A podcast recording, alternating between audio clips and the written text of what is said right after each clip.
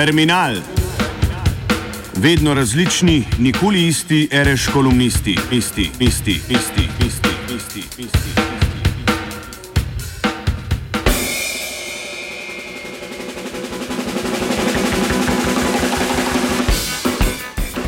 Že nekaj časa se v glavah vodilnih ljudi mednarodnih organizacij bolj ali manj pojavljajo prepričanja, da so fiskalna pravila mrtva kar kaže na obrat miselnosti o vlogi fiskalne politike. Tako kot je nekdanja finančna kriza v resnici postala socialna kriza, je tudi sedanja zdravstvena kriza že od samega začetka v resnici socialna kriza.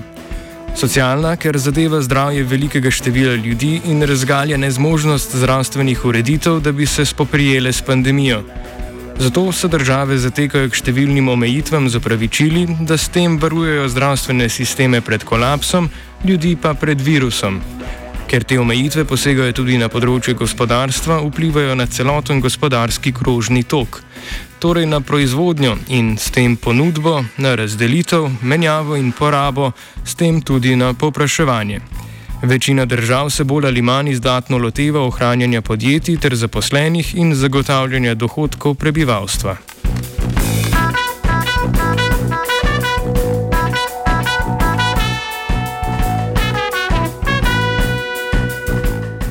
V takih okoliščinah se brezidejnost mednarodnih institucij, kot sta naprimer OECD in Mednarodni denarni sklad, pa tudi najbolj znanih, ne pa tudi najbolj razmišljajočih ekonomistov, manifestira v parolah o mrtvem fiskalnem pravilu in potrebnem premiku v fiskalni politiki.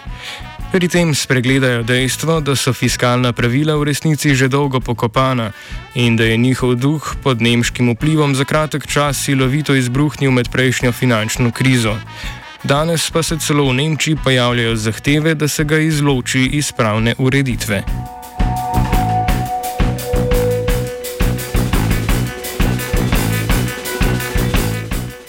Lahko bi rekli, da je za državni dolg v kapitalizmu nadomestek za socializem. Brez stalno rastočih državnih dolgov kapitalizem ne deluje. Ni nič hudega, če se bodo zdaj dolgovi povečevali zaradi zdravstvene krize. Ni vprašanje večati dolg ali ne, temveč za katere namene se bo dolgovani denar porabil. In ti nameni postajajo iz dneva v dan bolj razvidni. Za povečanje teže in vloge demontirane socialne države. Pri tem gre v resnici za vprašanje postavljanja prioritet. Zelena in digitalna strategija v tem trenutku ne moreta biti prioriteti. Prioriteta je ohranjanje socialnega reda in krepitev zdravstvenih zmogljivosti držav. Bog ve, ali je Ursula von der Leyen z govorjenjem o zdravstveni uniji mislila na pogreb fiskalne unije ali na kaj drugega.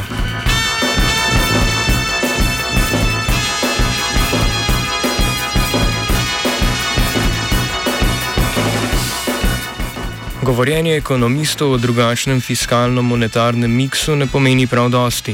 V fiskalni politiki je potrebno redefinirati prioritete. Potreba je potem se vidi tudi na slovenskem primeru.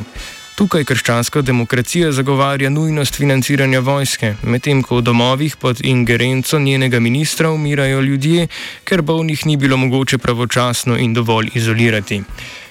Vedno bolj preroške so slišati besede dr. Urške Bačovnik Janša, ki je lani pozivala svojce naj svoje sorodnike iz domov za upokojence preselijo na svoje domove in jih obvarujejo pred epidemijo.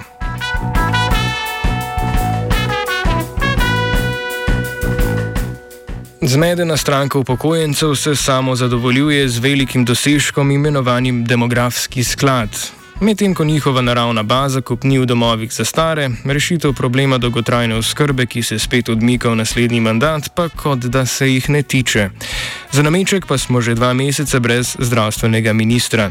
Ljudsko-demokratični mojster tvitanja, ki je očitno ocenil, da vodenje vlade in ministrstva za zdravje nista ravno združljivi funkciji, še posebej, ker ima dan omejeno število ur, predaja štafetno palico obrambnemu ministru, ki se bo morda v obeh vlogah lažje odločil za prave prioritete.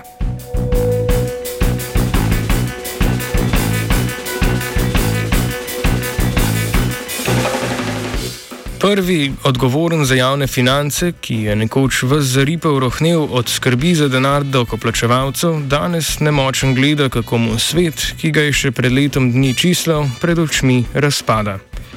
Politika, ki jo zasleduje, postaja politika fiskalnega populizma, ki daje denar tudi tistim, ki ga ne potrebujejo.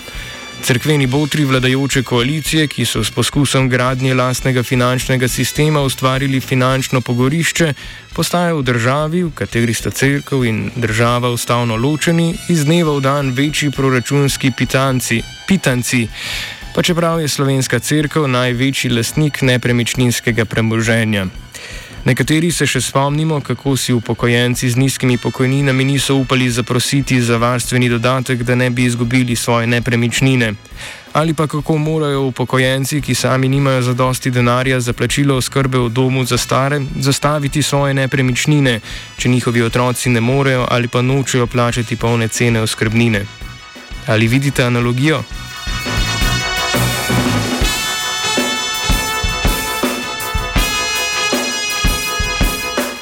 Veliko upanja za konec zdravstvene krize smo polagali v cepljenje.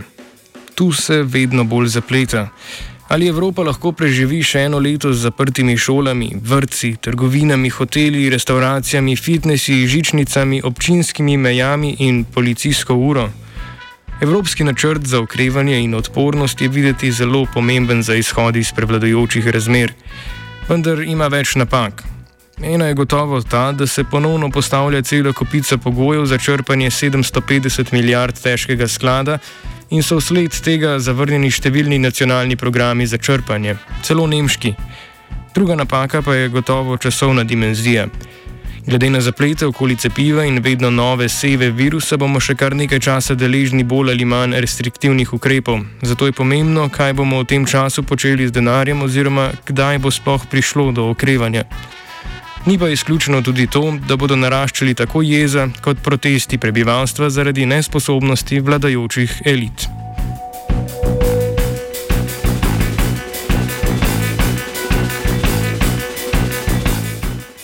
Terminal je pripravila Helena Kamnar.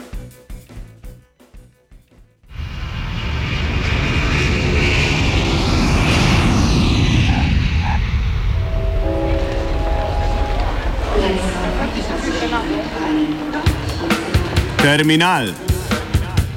Vedno različni, nikoli isti, reš kolumnisti, isti, isti, isti, isti, isti, isti. isti.